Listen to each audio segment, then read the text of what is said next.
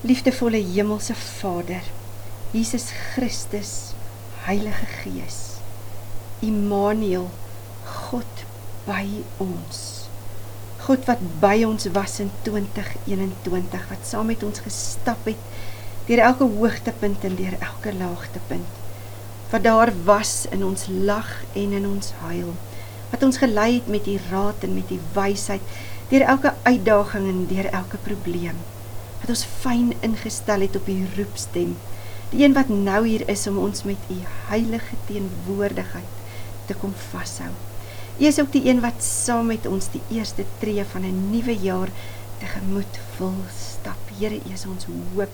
U is ons sterkte, U is ons bron van krag. Gees van God, kom breek die woord vir ons oop. Kom stort U seën oor ons uit wanneer ons daarna luister. Ons oë is op U gerig. Spreek, Here, want U kinders luister. Amen. Ons skriflesing vir 'n nuwe jaar kom uit die Ou Testament en wel uit Genesis 32 en ek wil graag saam met jou van vers 22 af lees. Dit gaan oor Jakob toe hy Esau tegemoet trek.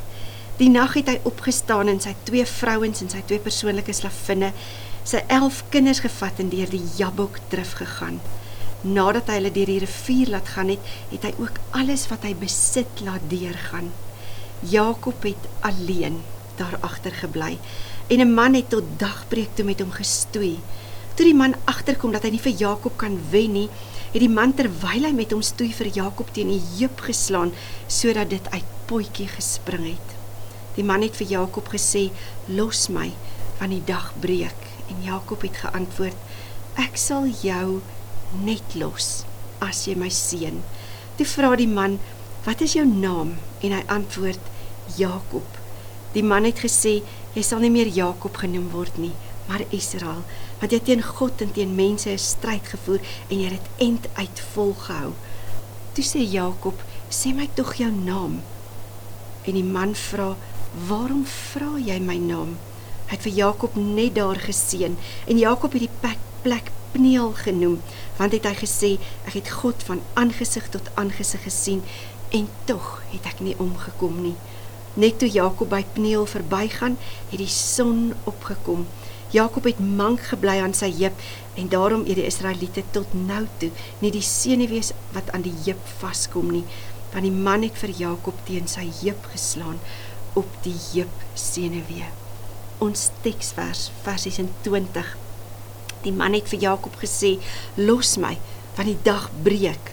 En Jakob het geantwoord: "Ek sal jou net los." as jy my seën. Prof Adrio Koenig het altyd gesê God het ons gemaak soos wat ons is, maar hy het ons te lief om ons te los soos wat ons is. En is presies wat met Jakob hier gebeur.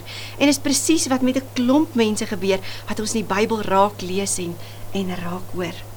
Jy sien is wanneer mens van aangesig tot aangesig met die lewende God 'n ontmoeting het en hy sy seën oor jou uitstort. Hy die sluise van die hemel ooptrek en sy seën oor jou uitstort dat jy aan die ander kant uitkom met 'n nuwe naam en 'n nuwe identiteit, nuwe hoop vir 'n nuwe toekoms waarop hy 'n nuwe pad saam met jou stap. Om dit te verstaan, het jy eintlik nodig om so 'n voelvlug oor Jakob se lewe te neem. In die eerste kwart van Jakob se lewe gryp hy vas. Met sy geboorte gryp hy vas aan Esau se tweelingboetie se hakskeen. Later gryp hy vas aan 'n pot lensiesop om dit te verruil vir Esau se eerste geboortereg. En dan verval sy sy identiteit en as Isak vra wat is jou naam anders as in hierdie teks, dan sê hy Esau net om die vaderlike seën te kry waarna hy vasgryp. En dan so in die oploop na die helfte van Jakob se lewe toe in die volgende kwart, dan kry hy met die keersy van sy eie lewe eintlik te doen. As hy nie meer die manipuleerder en die bedrieger is nie, maar as Laban hom bedrieg en hom manipuleer. En tot nou toe het hy so maklik en so vinnig sy goed gepat, pak en gevat en getrek. En nou In hierdie kwart van sy lewe wag hy 6 maande om by die Here die groen lig te kry dat hy kan trek. En dan kom daar 'n derde kwart in Jakob se lewe. En dis waarvan ons hier lees. Hy hou weer aan iets vas. Maar hierdie keer hou hy aan die Here vas. Hierdie keer hou hy vas aan die man met wie hy stoei, met wie hy deernag hierdie worstel stryd het en sê ek sal jou net laat gaan as jy my seën. En in hierdie plofbare krisis oomblik kom die groot God van hemel en aarde en en kom ontmoet vir Jakob en maak hom nuut, gee vir hom 'n nuwe naam en skep 'n nuwe lewe vir hom. En dan kom die laaste kwart van Jakob se lewe. En in hierdie kwart gryp hy nie meer aan iets vas nie, maar God hou hom vas. En God gewil dit in sy vashou van Jakob en sy familie dat hulle veilig aankom by Josef in Egipte, die onderkoning wat gesorg het vir genoeg kos. Nou sou 'n mens kon vra, wat is die sneller? Daardie sneller wat die totale lewe oorspan. Daardie sneller wat maak dat dat 'n mens anders aan die ander kant uitkom. Die sneller wat ons 'n nuwe naam en 'n nuwe karakter en 'n nuwe identiteit en nuwe hoop en 'n nuwe toekoms kan gee. En uit hierdie teks uit uit Genesis 32 is dit onomwonde 'n ontmoeting met die lewende God en die seën wat hy oor ons uitstort. En en ons sien dit. Ons sien dit in die Bybel hoe God se seën vir Abraham kom omdop en hom Abraham maak, die vader uit wie baie nasies sou voortkom en uit wie die redder gebore sou kon sou word. Ons sien dit ook in Sarai se geval hoe die seën van die Here haar optel en haar Sara maak die ma van Isak. Ons sien dit ook hoe die seun van die Here 'n swakkerige Simon, 'n visserman, 'n eenvoudige man kom optel en hom 'n rots maak, Petrus, die rots waarop die Here sy kerk kom bou. En dan sien ons dit. Ons sien hoe die seun van die Here 'n bedrieër kom optel en hom deur 'n worstelstryd 'n begenadigde kom maak iemand wie se naam verander na Israel waaruit die 12 stamme kom en en wat nou nog bekend staan. Ehm um, wat nou nog 'n terugverwysing is na sy naam, die 12 stamme van Israel. So wat gebeur hier in Genesis 32? Genesis 32 is eintlik Jakob se se stratplan. Dis so 'n rollende plan wat hy maak as as die ergste sou gebeur, um, net om om lewensverlies darm te kan bestuur, om om redelik heel aan die ander kant uit te kom in geval van noodgeval. En hier is sy stratplan, hier's wat hy doen. Hy stuur eers boodskappers vooruit want nou gaan hy vir die eerste keer sy broer Esau weer tegemoet. En dan stuur hy sy boodskappers om te sê: "Maar Jakob wat agteraankom, dis u onderdaan." En dan stuur hy, dan vat hy die klomp mense wat by hom is en hy deel hulle in twee groepe voordat hy hulle vooruitstuur, net om seker te maak dat dat daar darm 'n paar gespaar kan bly. En dan stuur hy geskenke Hy stuur beeste en skape en bokke en kamele en hy maak seker dat Esau iets verstaan dat hy wil gee eerder as om te ontvang. Dat Esau sal verstaan dat hy gekom het om te dien en nie om te dien nie, om om nie om gedien te word nie, maar om te dien wat hy verstaan dat hy nie iets verdien nie. En dan laastens stuur hy sy vrouens en sy kinders en en sy besittings deur. Maar daar's nog iets wat hy doen. Jakob bid. En dis eintlik die eerste keer wat so gebed van Jakob in Genesis vir ons opgeteken is. In hierdie derde kwart van sy lewe kom hy nie met selfhelp en met manipulasie en sy eie middele en metodes nie, maar hy kom in ootmoed, in nederigheid. Hy kom gee homself vir die Here en hy hy staan op God se beloftes. Genesis 32 vers 12 sê hy: "Here, U het tog beloof. U het beloof dat U beslis goed aan my sal doen." En dan bly hy alleen agter. En wanneer hy alleen agterbly, dan kom staan God voor hom en hierdie worstelstryd begin. Hierdie geveg begin, 'n geveg met sy meerdere, 'n geveg wat nie teen vlees en bloed is nie, 'n geveg wat baie groter is as die geveg wat hy hy met sy oom gehad het en wat hy met sy broer gehad het wat voor hom staan. En dan in Genesis 23 vers Genesis 32 vers 26 dan slaan die man vir Jakob op sy heup want die dag breek en en wie God in die daglig sien sal sekerlik nie bly lewe nie. Nou ek en jy weet hoe seer is dit as net 'n vinger uit lid uit raak. Kan jy dink as die grootste lid um, uit potjie spring en uit lid uit raak. Watter geweldige pyn moes hy ervaar, maar midde in hierdie pyn, midde in hierdie oomblikke doen Jakob tog een ding. Hy gryp vas.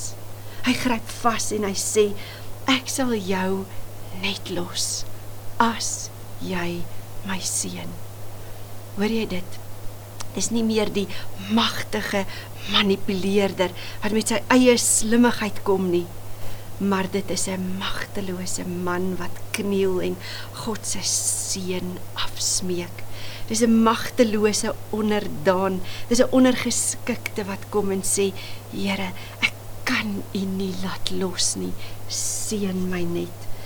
Dis iemand in die derde kwart van sy ontdekkingsreis, sy lewe agter die Here aan wat vir die eerste keer verstaan wie God is en hoe God 'n nuwe toekoms vir jou kan oopmaak en dan hierdie aksie wat wat ek wonder of of Jakob dit verwag het. Genesis 23 vers 27. Toe vra die man: "Wat is jou naam?" En nou is dit anders as toe Isak dit gevra het en hy gesê het Esau om die vaderlike seun te kry. Nou sê hy Jakob. Ek is Jakob. Ek is die hakskeen gryper. Ek is die bedrieger, ek is die leenaar, ek is die manipuleerder, ek is die seun steeler. En dan hierdie aankondiging in Genesis 32 vers 28. Jy sal nie meer Jakob genoem word nie, maar Israel, want jy teen God en teen mense 'n stryd gevoer en jy dit end uit volgehou. Dit is wat in 'n ontmoeting met die lewende God gebeur. Daar's nie meer vergrype soos by Jakob nie, maar daar's iemand wat jou vashou. Daar's nie meer self manipuleer en steel en bedrieg nie, want jy weet daar's iemand wat seën oor jou wil uitstort. En die Here se seën is seker. Daar's nie meer jy wat gryp nie, Jakob die bedrieger nie, maar daar's Israel en Israel beteken God wat vir jou hierdie stryd voer. En dan kom die son op oor Pneel. Dan word 'n nuwe era aangekondig. Tot die plek kry 'n nuwe naam. Ehm um, Jakob se stryd met God word God se stryd vir Jakob.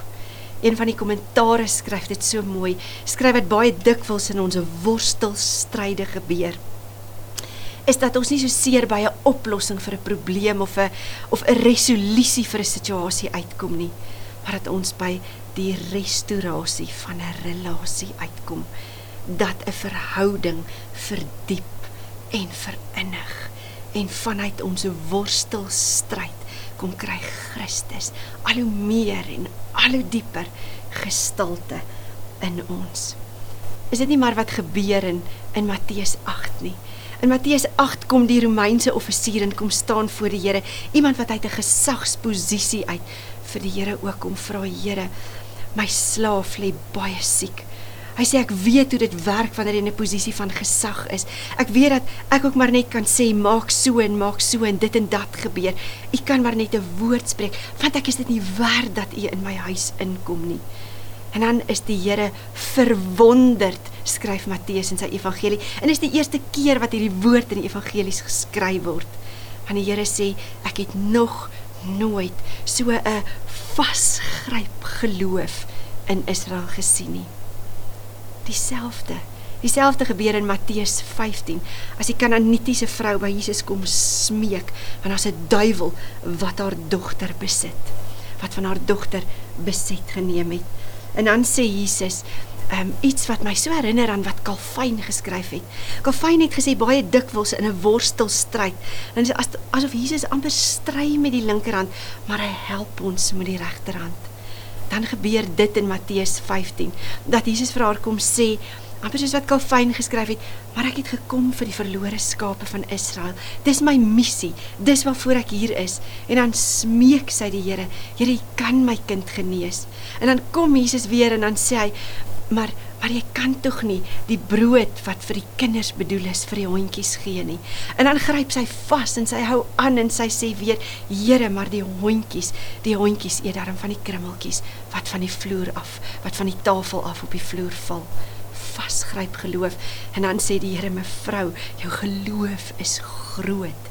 Jou geloof gaan ook jou kind gesond maak wat jy glo sal gebeur." Jy sien Jesus het ook kom vasgryp. Jesus het kom vasgryp aan die Vader en en die missie waarmee hy na hierdie aarde toe gekom het. En al het hy gebid, Here, nie my wil nie, maar u wil geskied en al het hy bloed gesweet, het hy deurgedruk en hy het homself ontledig. Hy het homself leeg gemaak van sy goddelikheid, soos wat Filippense 2 sê, en hy het ons menslike bestaan kom aantrek.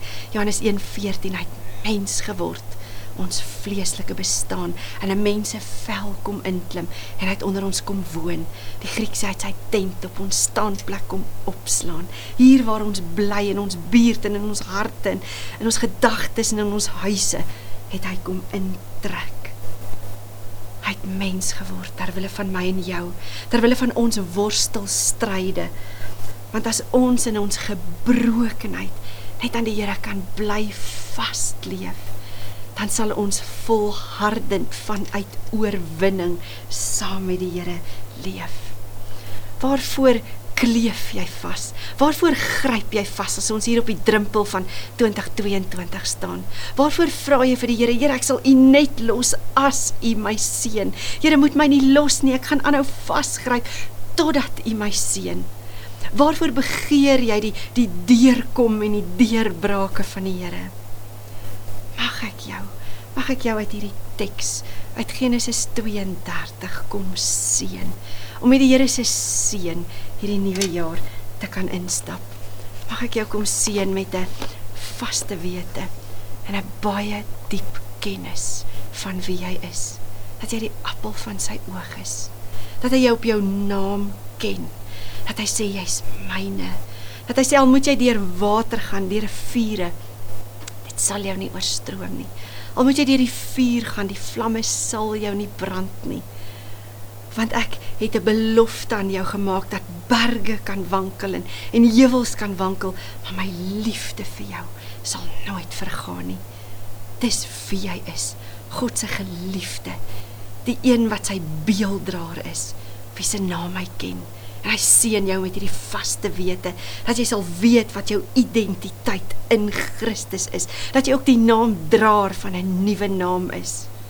Hy kom seën jou met 'n baie vaste wete dat ook in die worstelstryd dat jy nie meer hoef te stry nie. Maar dat jy kan maak soos wat Sagaria sê, nie met mag en krag nie, maar deur my gees dat hy die stryd vir jou sal voer. Hy kom seën jou met 'n met 'n vasgryp geloof vir 2022. Dat jy elke keer wanneer jou knieë begin wankel en en jy nie 'n vaste plek het om op te staan nie, dat hy jou sal sterk maak omdat hy die stryd vir jou voer en omdat hy 'n verhouding met hom, 'n relasie met hom in gedagte het. Hy kom seën jou met die wete dat ons geloof vir hom baie belangriker is as wat ons gemak is. Hy kom seën jou met die vaste wete dat hy Immanuel is, God by ons en dat hy end uit ook in hierdie nuwe jaar 'n nuwe toekoms vir jou sal gee en met jou sal deurstap. Hy kom seën jou met 'n met 'n nuwe perspektief, nuwe perspektief en 'n nuwe uitkyk op die lewe. Hy's die nuutmaker. Sy gees is die herskepper wat elke môre kom en en jou kom seën met 'n nuutheid, met 'n varsheid. Hy's ook die beloftemaker, maar hy's die waarmaker van sy woord. Saam met jou gryp ek vas aan hom en sê Here, moet ons nie laat gaan as U ons nie seën nie. En ons staan met oop hande voor hom wanneer hy die sluise van die hemel oopmaak om alles te ontvang waarmee hy ons wil seën. Die Here seën jou. Hy seën jou met die keur van sy seëninge vir 2022. Amen. Kom ons bid saam. Hemelse Vader, dankie vir u seën. Seën ons dat u ons so sal bewaar dat ons onberispelik sal bly na gees, siel en liggaam tot op die dag wat u weer kom. Seën ons Here met Jabes se seën. Vergroot ons grondgebied. Kom seën ons. Neem ons onder u beskerming. Ja Here dat geen onheil ons sal tref nie. Here kom seën ons met u vrede, met u goedheid, met u genade, met u sorg en versorging, met u draagkrag, met u heilige teenwoordigheid. Here kom seën ons as navolgers van Christus met gehoorsaamheid om as disippels van die Here ook in in u koninkryk met blydskap mee te werk dat u koninkryk oral en altyd vir elkeen sal kom. Kom seën ons met met u lig sodat ons ligdraers in 'n donker wêreld sal wees. Kom seën ons Here, maak ons goeie nuus mense in 'n slegte nuus wêreld. Here, kom seën ons met hoop, want hoop het 'n naam en hoop is 'n persoon. Dis ons Here Jesus Christus.